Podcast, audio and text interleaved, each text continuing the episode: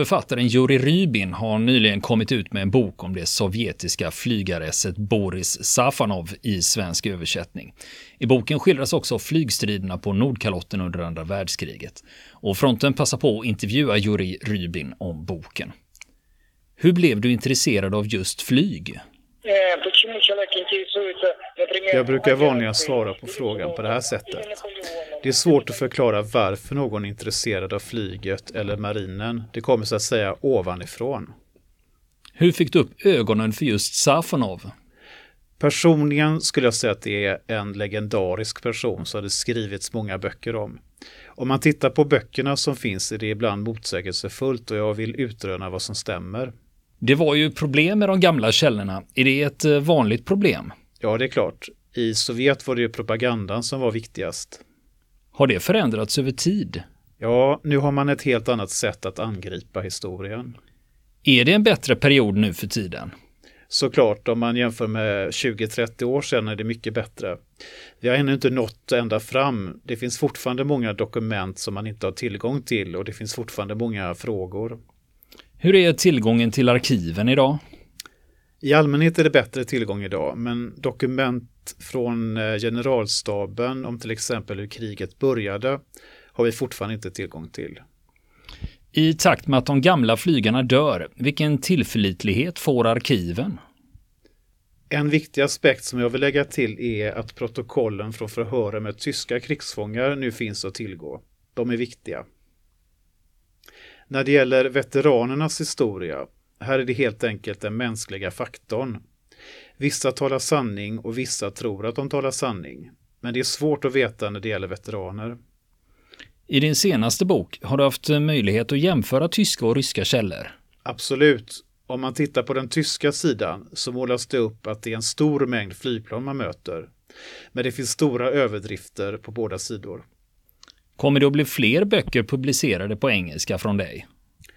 Det finns bara en bok utgiven än så länge. Det är en sammanställning av mina artiklar om ryska Hurricane-piloter. Hur stort är intresset för andra världskriget i Ryssland just nu? Jo, men det är nog som i Sverige. Den unga generationen är inte så intresserade. Men de som är i 50 och 60-årsåldern har ett större intresse. Finns det politiska intressen som försöker dra växlar på intresset för andra världskriget? Nej, det är inget jag märkt av. Finns det några utländska författare som du gillar? Erik Mumberg från Nederländerna. Jag är intresserad av flyg från Nordkalotten och det är de böckerna som jag läser. Varför har du intresserat dig för flygkriget på Nordkalotten? För det första bor jag där så det ligger mig nära. Jag har träffat många veteraner som stridit där och det finns många ämnen där som inte är utredda. Finns det några luckor i kunskapen om vad som hände då? Det finns ganska mycket som inte varit korrekt, till exempel att tyskarna skulle haft ett stort numerärt övertag. Men detta förändras nu. Just vad gäller hur man beskriver de första månaderna av kriget. Det finns också många legender om tyska flygare som egentligen bara är propaganda. Till exempel Rudolf Müller. Och när de blev nedskjutna blev det alltid en historia om att det varit en stor tysk flygare som blivit nedskjuten när det själva verket var en vanlig flygare.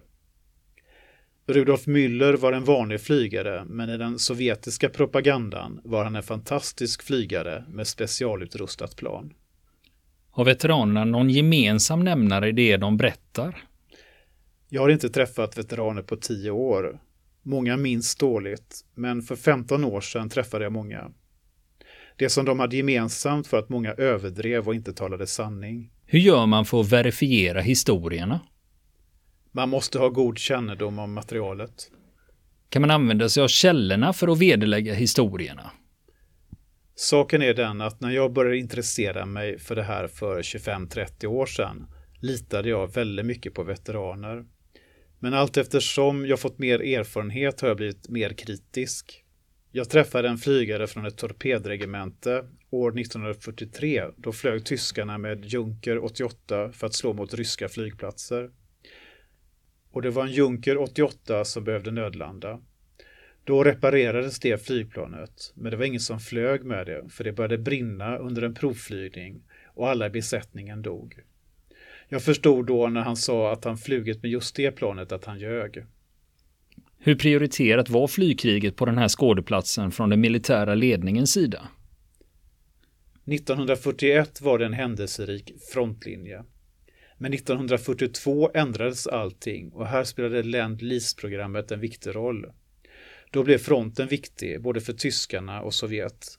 Då påbörjades stora slag både till havs och i luften. Var det någon skillnad i utrustning för de ryska flygarna på Nordkalotten jämfört med andra platser? Det var mycket amerikansk och engelsk utrustning. Och det finns ett ryskt ordspråk. Det man bevakar får man också behålla. Var det en lång inlärningsperiod för de sovjetiska piloterna att flyga utländska plan? Det berodde på flygplanstyp. Hurricane gick fort att lära sig. Men Era Cobra flygplan tog en månad att lära sig. Hur stod sig Hurricane i de sovjetiska piloternas händer gentemot tyskarna? Hurricane var det främsta jaktplanet på Nordkalotten. Den har både för och nackdelar. Den var väldigt lätt att lära sig och att styra. Det var bra om det fanns oerfarna piloter som 1942.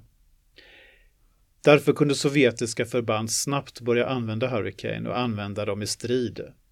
För att förstå hur många nya regementen som skapades ska jag ge ett exempel. I början fanns det bara två jaktflygregementen i Murmansk.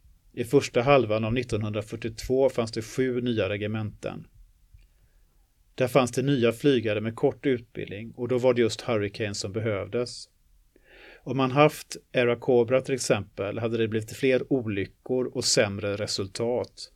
Därför kunde ryska Era Cobra spela en annan roll senare i kriget.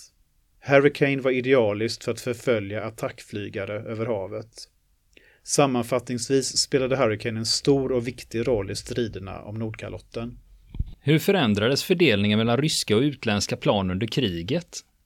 Under första halvan av 1942 var 80-90% utländska. I slutet av kriget var det ungefär 60% som var utländska.